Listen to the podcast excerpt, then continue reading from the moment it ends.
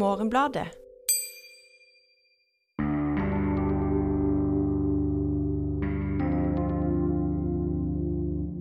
Denne liksom Marvel-bølgen Jeg leste et sted at liksom Ja, de, begynte jo etter liksom finanskrisen. Eh, og der, der er det noe. Velkommen til Morgenbladets film- og TV-seriepodkast. Jeg heter Ulrik Eriksen og er filmkritiker i Morgenbladet. Og med meg i studio har jeg kulturjournalist Elise Dybvig. Hallo? Velkommen tilbake. Takk, takk. Og TV-kritiker Aksel Kielland. Hallo. For 13 år siden kjøpte Disney rettighetene til hele Marvel-universet, inkludert 4000 rollefigurer, for 4 milliarder dollar. Og siden har selskapet pøst ut Marvel-filmer i høyt tempo. Den siste filmen, Doctor Strange in the Multiverse of Madness, hadde premiere i forrige uke. Og det er den andre Doctor Strange-filmen med Benedict Cumberbatch i tittelrollen. Men rollefiguren hans har også dukket opp i fire Marvel-filmer tidligere, sist i Spiderman No Way Home.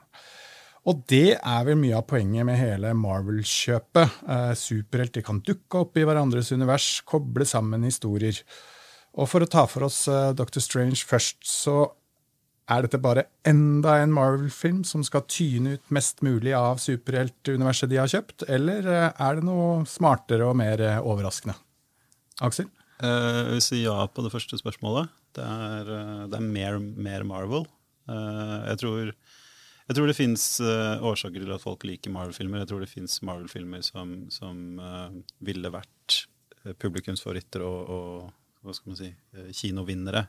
Selv om det ikke, eh, ikke, brandingen var så dominerende som den var. Men dette her er ikke en film som ville trukket til seg et publikum hvis det ikke var for at den var sausa inn i alle disse andre franchisene og historiene som, som, folk har et forhold til. da. Men bare med tanke på at det er liksom nå hvert halvår så kommer det vel ut tre-fire Marvel-filmer? Eller nei, det vil kanskje overdrive litt. To, tre, to, kanskje. Og så har du Disney pluss, strømmetjenesten, som òg har jo begynt med sine Marvel-serier, eh, og osv. Når du nevnte liksom at Er det et alternativ til dette kunne vært noe annet enn enda en Marvel-film?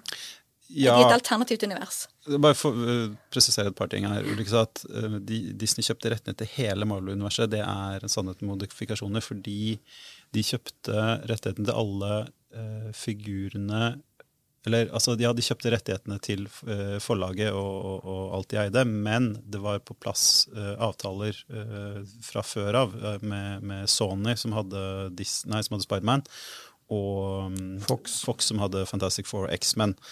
Uh, og så har da Disney da i senere tid kjøpt uh, Fox uh, og gjort en avtale med Sony, så nå, nå bakes de så, så inn i, i dette.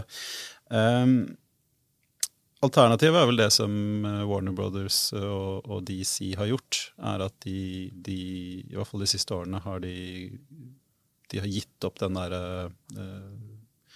opprinnelige ideen sin om å, å, forsøke å lage en DC-ekvivalent av Marvel-universet der alt henger sammen. Det er jo disse Zack Snyder-filmene som uh, Justice League og Batman versus Superman og, og, Man of Steel og alt det der. Wonder Woman. Uh, det ga de liksom opp, fordi det fungerte ikke. Folk likte det ikke i hvert fall like godt som de liker Marvel-filmene. Og, og, i senere tid så har de da produsert frittstående filmer, sånn som uh, Joaquin Phoenix. Uh, versjonen av The Joker og nå sist den Matt Reeves-filmen med The Batman med, med, Robert Pattinson. Og der har de jo de eh, Warner Brothers kritiseres ofte for at DC ikke er en like stor suksess som Marvel. Og, og, og tanken er da at eh, i hvert fall før disse filmene begynte, så var eh, Batman og Supermann mye mer kjent enn en Iron Man og uh, Guardians of the Galaxy. Og da, da burde det være en, en, mye større suksess på, på lerretet. Men det er jo ingen tvil om at Warner Brothers og DC har, har, har mye bedre filmer. Eh, og nettopp fordi at de da foretok et aktivt valg tidlig om å gi filmskapere større plass til å lage filmer som, som hadde et, et, hvert fall et minstemål av særpreg. da. Eh, så det går an å gjøre det på den måten, men det er jo dette Marvel, uh, Marvel-metoden som tjener penger. Og, og, jeg tror også veldig mye av appellen med disse filmene er vissheten om at dette er den største franchisen, dette er de dyreste filmene, dette er det mest liksom, vellykkede brandinga. Det tror jeg faktisk betyr noe for publikum. Ja, for, for, teknisk er de Eller de skal være imponerende, har jeg skjønt, Ulrik. Eller er de det? ja, yes, for meg så er det mye av det som bare fremstår som litt sånn CGI-jokking. Altså. Ja, og, og, noe man så her, både her og i Spiderman, er at på en eller annen måte så har green screen har blitt dårligere. Ja. Altså det, det, er veldig mange scener i begge de filmene hvor det er sånn helt åpenbart at rollefigurene ikke er i det miljøet de, står, altså de skal befinne seg i. Altså de er, de er blassere enn bakgrunnene. Og, og man, man, sier ofte det at det har skjedd, det har skjedd noe veldig rart uh, med CGI siden Jurassic Park. At altså, det ser mindre troverdig ut. Og det kan man finne årsaker til. Altså, jeg, jeg tror det er en sånn jeg tror det er noe veldig sånn grunnleggende ved det at CGI må ikke bli så virkelighetstro at publikum ikke ser at den er der.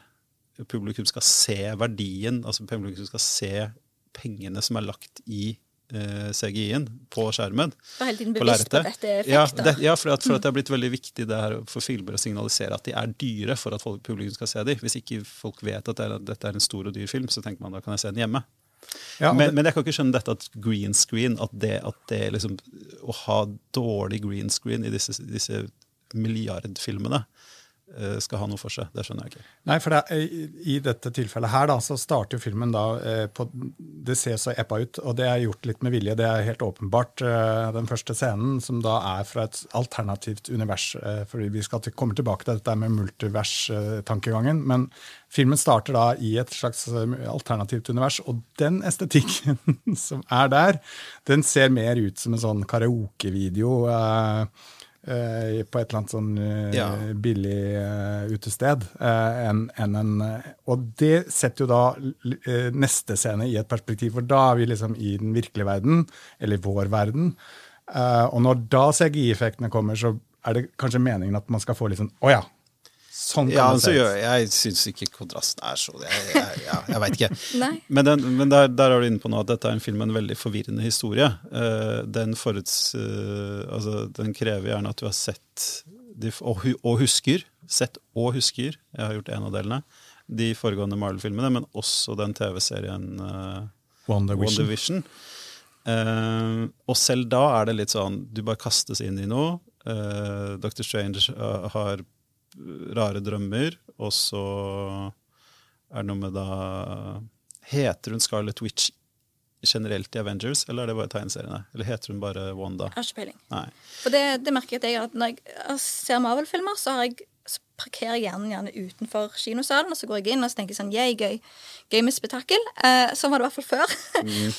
Men nå de siste årene så, så, har jeg ikke følt at jeg har fått et spetakkel heller, da. Har du ikke gjort hjemmeleksen din? Det er den følelsen du får. ja. Har du ikke ja, sett alle Marvel-filmene før du går inn i salen? Og, mm, fy deg, fy deg. Og, og, der føler jeg liksom det, det, det, Men det legger jo opp til det. at når, nå skal du ha liksom um, for, for, å få maks utbytte, så skal han jo på en måte ha satt seg inn i nå, og hvordan var det nå, og hvordan kom den personen inn i dette, ja. og, og, alt det der. Og det, det, forarbeidet kreves på en måte, samtidig som du føler at du får filma med veldig mye uh, Heter det på norsk eksposisjon? Eller liksom ja, litt sånn klønk i dialog, der de ulike karakterene skal nå kjapt på en måte fortelle deg litt om hva som har skjedd før, sånn at du i hvert fall halvveis klarer å, å følge med. da. Um, men, men, jeg lurer litt på denne liksom Marvel-bølgen. Jeg leste et sted der liksom Ja, de, de begynte jo etter liksom finanskrisen. Uh, og der, der er det noe jeg vet ikke Ja, det er også, de også, også er det også noe med at det er jo I hvert fall de tidlige er jo fortsatt post 11. september-filmer. da. Altså mm. Det er veldig mye ødeleggelse i New York. Marvel-universet er veldig sentrert rundt vår Eh, altså et, et, gjenkjennelig New York, i motsetning til DC-universet, hvor de har fiktive byer som Gotham og Metropolis, så er Marvel det er vår verden. Um, men ja, det er veldig, jeg vet ikke, altså det er bare en grøt av innhold. Eh, og, men, og, og, en grøt basert rundt to altså De to viktigste figurene i denne filmen er Dr. Strange, som er en magiker. Eh, som i Marvel betyr at han holder hendene sine ut, og så skjer det datagrafikk rundt dem. Og så er det da eh, Wanda Oh, jeg går sur for at hun heter forskjellige ting i tegneseriene og filmene. Men uh, det, det, Aberioff eller noe sånt? Ab Maximoff. Max Jeg husker ikke hva, men uansett. Som som, med hennes, hennes, krefter er da å forandre virkeligheten, som også betyr at hun holder ut hendene sine, og så skjer det datagrafikk rundt det. Så de har det verst tenkelige utgangspunktet for en actionfilm. da. Det er mennesker som står, og så peker de på hverandre, og så kommer det stråler og diverse ting rundt. Uh, og så er det noe med en uh, skummel bok som korrumperer de som leser en magisk bok. Og så er det at uh, når du drømmer, så, så, ser du inn i en annen dimensjon. Deg selv i en annen dimensjon eller alternativ virkelighet. Og så er det et eller annet som skal løses. Og så er det veldig mye datagrafikk hele tiden, og, og, ingen sånn reell følelse av å bli dratt fysisk med, da, som jeg, som jeg ofte tenker på som, som uh, tegn på en god, god, actionfilm. Det er ingen fysisk opplevelse av filmen. Ja, Ulrik, der, der bare slo det meg, for, for kan en for med tanke på dette noen, noen av kan si det, verdens mest innbringende filmer, eller har vært det i hvert fall både liksom globalt og i USA. Går det an å liksom si noe at det er noe i tematikken med at det er disse superheltene som sier noe om hva vi nå syns det er spennende å se på film, eller sier det bare noe om hvor Hollywood og den amerikanske filmbransjen er i dag, eller hvor de på en måte har skjønt at de må være for å overleve i dagens kinomarked? Ja, kanskje det er eh, Det blir veldig stort spørsmål, da. Men altså, det er jo i hvert fall en banalisering av uh, kampen mellom det gode og onde. Og den, jeg vet ikke, den har vel kanskje alltid hatt et kommersielt potensial. Uh, kanskje er det sånn i dag at vi har enda mer behov for de, fordi, fordi vi føler at verden er så utilgjengelig og også utenfor vår kontroll at, at det gir en egen glede å liksom oppleve noen som faktisk eh, kan ta verden i sine egne hender. Eh, det blir liksom spekulasjoner. Men eh, et eller annet er det jo som appellerer her. Og som du sa Noe av det som måte var superheltenes liksom, Da de kom for alvor igjen på 2000-tallet, så var det jo med, veldig med bakteppe med terror. Mm. Og, og Batman-filmene er jo spesielt mye av det. Dark Knight for eksempel, er jo en, på mange måter en, liksom, en kommentar om, om terrorkampen, krigen mot terror. Mens nå, når den liksom har lagt seg litt som, sånn, som et bakteppe, så, så, så, mister man liksom den. Så nå er det litt mer sånn forbrødring. Eh, universell ja, forbrødring. Jeg tror ikke helt noen vet hva det er lenger. Det er Nei. bare et sånt voldsomt uh, kommersielt maskineri som, som, fortsatt har nok momentum til at, til at uh, det går bra. Men, eh, men, men det, det, er jo mange som har begynt å snakke allerede om at Marvel er i en kreativ krise, fordi uh, det her vil jo ikke kunne fortsette i all evighet. Det har jo fortsatt allerede fortsatt uh, veldig mye lenger enn noen hadde venta. Folk begynte jo å snakke om liksom, superhelt, uh, superheltfilmens død for jeg vet ikke, ti år siden. Uh, det for der, der filmene jeg tror mista meg, var at når hver film handler nettopp om en veldig sånn upscale kamp mellom det gode og det onde, og du vet aldri hva det onde eller det eh, gode består i. Du vet bare at eh, du må bare ta for god fisk at dette er de gode, og dette er de onde. Uh, og når på en måte det som står på spill, er liksom verdens tilintetgjørelse eller overlevelse, eller noe sånt, så blir det så stort abstrakt at det betyr ingenting. Og der lurer jeg på òg om det som du var innom i starten, Aksel, om at um, her skal alt henge sammen med alt. sånn at det som skjer, vil spille inn på eventuelt en neste serie eller neste film, gjør at det kan ikke skje så mye heller, fordi at den er litt begrensa i at OK, å, nå må en på en måte være så forsiktig med de valgene en tar, sånn at ingenting betyr noe. Nei, altså det har jo skjedd ting i disse filmene da, som har betydd noe. Har Jo, øh, men de har jo da vært motivert av at skuespillerne øh, er ferdig med kontraktene sine. Altså, altså Det mest dramatiske som har skjedd, er jo, er jo at uh, Iron Man og Captain America har forsvunnet ut. Og det var fordi uh, Robert Downey jr. og Chris Evans uh, var ferdig med kontrakten, så hadde ikke lyst til å gjøre mer. Hadde tjent nok penger. Ja, de som spilte disse karakterene. Ja. Mm. Uh, so, so, og så har man jo generelt i Hollywood, men kanskje særlig Marvel, så har de jo sett den der utviklingen at eh, blockbuster blir mer og mer TV-aktige i strukturen. altså nettopp Det med at det var jo liksom, kanskje den største genistreken til Marvel var jo denne ideen med de der post-rulletekstsekvensene uh, hvor du starter neste film allerede. Uh, og skaper da liksom en sånn uh, altså Alle filmer er traileren for den neste filmen. Um, og det er jo en sånn struktur man har arva fra, fra, amerikanske tegneserier, som, som, som, fungerer nettopp på dette viset. Liksom, I motsetning til Donald, der Donald gjør, mister jobben en dag, og, ingen, og, så bare begynner neste fortelling på nytt. og liksom, det, Donald, det er som en strikk du, du, du drar i, og så bare normalist, faller alt tilbake til normal, normaltilstanden. Så, så i, i Marvel-tegneseriene skal alt ha konsekvenser. Og når de ikke får konsekvenser, fordi liksom, hvis noen skriver en person, en figur, for rar eller for avvikende, så er det gjerne da disse multiversene som dukker opp for å forklare diskrepansene. Men eh, så, så, har de jo det med disse filmene at i motsetning til tegneseriene og så Jeg vokste opp med å lese dette, så jeg har, et, jeg har et sånt, jeg har det inn med morsmelka. Men i tegneserien så har du jo i hvert fall mye større plass til personlig særpreg. Eh, for det er én person som skriver, og én person som tegner, som regel. Og da, da har du en, en, en syn, ofte en synlig uh, signatur på verket. Mens i filmene så er jo målet til Marvel har vært denne strømlinjeforminga. At det først gjenkjennelig som et Marvel-produkt, deretter som den konkrete figuren, uh, hvis, hvis film det er, og dernest som et eh, produkt av filmskaperen. Og Du nevnte egenart, eh, og vi har nettopp vært og sett eh, en film. Vi kommer rett fra kinoen. For vi har vært og sett Everything Everywhere All At Once. Som vi har valgt å se før denne sendingen nettopp fordi den også tar for seg dette multivers-tankegangen. Altså at, vi, at det eksisterer et utall eh, parallelle universer med varianter av en selv og omgivelsene våre eh, andre steder eh, i en eller annen univers, eller en boble av universet.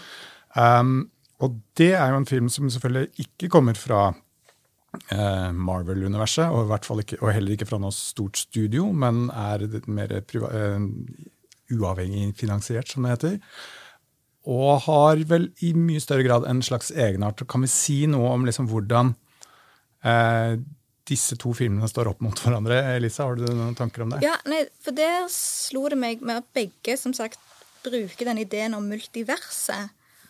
Og der tror jeg at der f.eks. Dr. Strange blir eksempel på noe generisk og igjen, det er liksom uspesifikt, og det betyr ingenting, og du føler nesten at det bare noen har, har liksom pøst på for å kunne lage en unnskyldning for at det skal skje noe med konsekvenser. En karakter kan dø i dette universet, for de lever uansett videre i den andre boblen der borte, så det er helt greit. Uh, mens her så på en måte følte i den Everything Everywhere All At Once så blir multiverset nesten en slags Sånn som jeg i hvert fall tenker på det her og nå, etter akkurat kommet fra visningen. Dette med uh, For hovedpersonen her er jo en kvinne som heter Evelyn Wang, og hun driver et uh, vaskeri og på en måte ja, sliter vel litt økonomisk osv., så, videre, så får vi se hvordan det er disse alternative virkeligheten der hun er en filmstjerne og har pølser til fingre, og alt fra det veldig absurde til liksom, det veldig realistiske. Og der på en måte forankrer det faktisk i det menneskelige med Ja, hvordan kan jeg formulere det? At valgmulighetene en har i livet, det leser en jo om daglig nesten, at de innskrenkes hele tiden hvem, hvem en kan være, hva en kan studere, hvor en kan jobbe, hva en kan tjene, hvor en kan bo henne. De valgmulighetene på en måte har i løpet av de siste årene, i hvert fall enkelte steder i verden, blitt veldig mange mindre. Og da føler jeg at den multiverstanken er faktisk produktiv og interessant i denne filmen, versus i Doctor Strange, der det mest er en sånn kommersiell idé for å kunne fortsette denne blandingen av reklame og historiefortelling. Ja, og jeg tolket den jo også som en del av en sånn at multiverset blir en parallell til den diaspora-tankegangen. At man på en måte som eh, For dette er en kinesisk familie. Eh, eller, I USA. I USA. Uh, og at, man, på en måte, at det er en parallell der. da, At det er worlds colliding, på en måte, rett og slett. da, altså Kulturer som er i kollisjon, og på en måte forventningene til den ene kulturen i møte med den andre ofte kan være som å bli strukket i, mellom to universer. Da. Uh, og, da, som, og, da, blir det jo på en måte en eksistensiell ja, som du også var inne på, det er en eksistensiell på en måte, versjon av uh, multiverset i mye større grad enn en, på en, måte, en fortellerteknisk eller gimmickmessig ja, funksjon. Da. For jeg vil, jeg vil, si at Store forskjellen er det at i, i, Everything Everywhere så er det et Der er multiverset som tankeeksperiment, for det egner seg jo veldig godt til det. altså sånn, um, en variant å tenke multivers på er å tenke at hver gang noen tar en avgjørelse, så, så uh, skiller universet seg i en tidslinje hvor begge alternativene har skjedd. Men du lever bare i den hvor du valgte det du valgte. Og det er jo det de gjør i den filmen. I hvert fall til en viss grad. Um, mens uh, i, i Dr. Strange så er, jo, så er, det jo, den tradisjonen man har fra amerikanske tegneserier, at uh, bruke multiverset som for en må, måte å, å uh, få forretningsavgjørelser til å bli en del av fiksjonen, og, og forretningsavgjørelser til å gi mening. Marvel pleide å ha en sånn veldig fin tradisjon hvor de ba leserne gjøre de oppmerksom på kontinuitetsfeil og sende inn en forklaring på hvorfor det ikke var en kontinuitetsfeil. Og da fikk de det som ble kalt en no price, som var en tom konvolutt. Det var en veldig sånn vakker idé, vakkert uttrykk for, for uh, uh, den type kultur og, og kommersialisme, syns jeg. Uh, mens i, i Dr. Strange da, så, så, bruker de jo denne multivers-tankegangen til å kanskje relansere X-Men og Fantastic Four-franchisene. For at de har, da, de har skuespillere som spiller i hvert fall noen av de sentrale figurene i disse franchisene, som de på, på sikt vil bringe tilbake i Marvel-universet, men de kan da se, liksom, se an responsen. Liker folk uh, John Krasinski som Mr. Fantastic, eller gjør de ikke? Det, blir det for mye protester, så kan de bare kaste en ny uh, skuespiller i neste når de, når de, velger å gjøre det. Så, så, det er jo virkelig sånn kommersialisme versus uh, kunst da, i disse to filmene. Mm. Og en, en, tanke som slo meg veldig, eller plutselig fikk en annen måte å se disse Marvel-filmene på når jeg så denne Everything Everywhere All At Once, er at hovedkarakterene i denne Everything er jo stort sett eh, middelaldrende mennesker med på en måte sårbare kropper.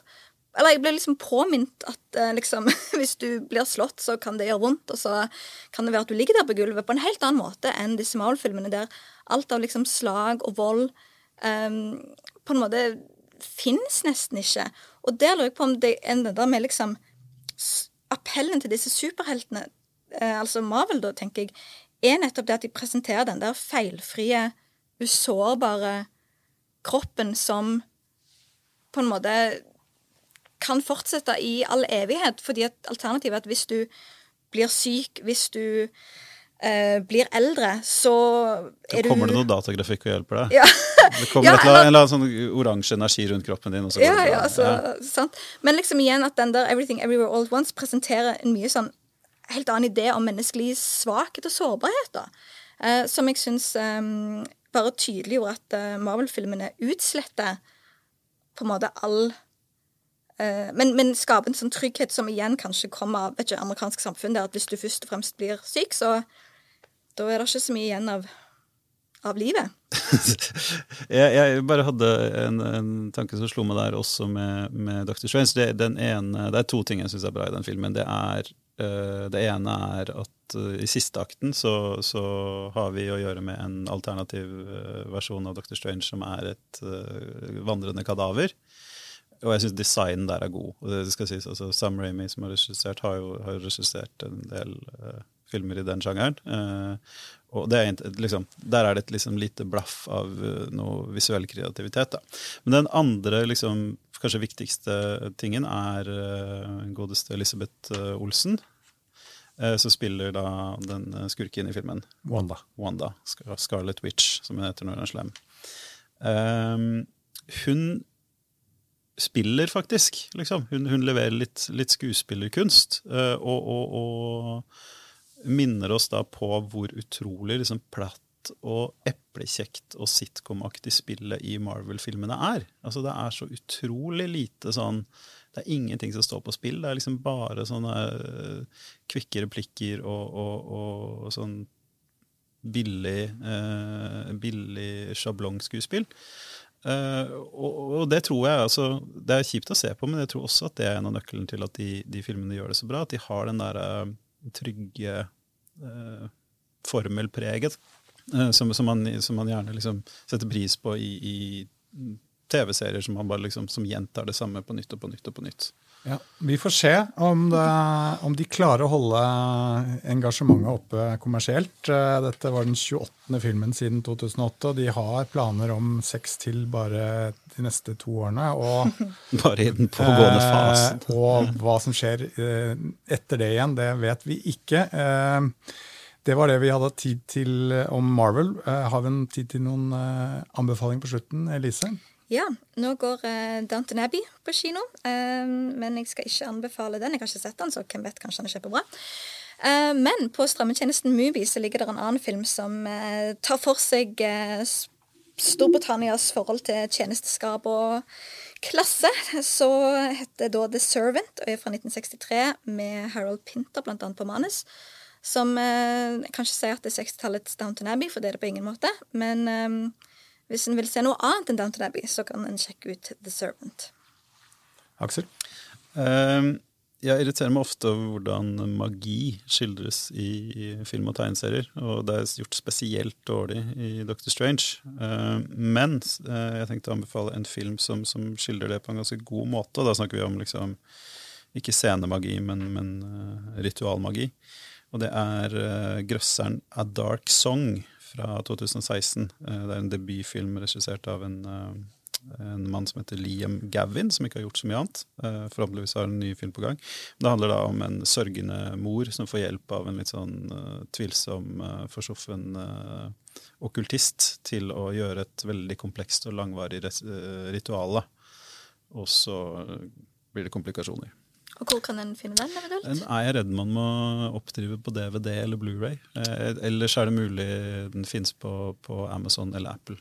Fysisk format er ikke å forakte, syns jeg. da. Eh, jeg kom på mens vi snakket at jeg gjerne vil anbefale The Dark Night. Eh, for den husker jeg som Jeg har ikke sett den siden 2008, men jeg husker den som at den føltes i hvert fall veldig riktig i det tidspunktet. Eh, en, en, film om krigen mot terror på mange måter, om det autoritære eh, mot det demokratiske, om, og også som virkelig prøver å fremstille ondskap da, og problematisere ondskapens rolle som et underholdningsøyemed. Eh, så, og den fins i hvert fall eh, tilgjengelig mm, på noe annet enn DVD og Blu-ray også, uh, vil jeg ganske sikkert tro på HBO. Sikkert siden det en Warner-film. Det var det vi hadde av tid til å snakke i dag. Uh, hvis du går inn på morgenbladet.no, så kan du ta på abonnement på avisen, og du kan også lese mer om uh, film og TV-serier. Vi høres igjen neste uke. Da har vi spesialsending med meg i Cannes, blant annet. Så ses igjen.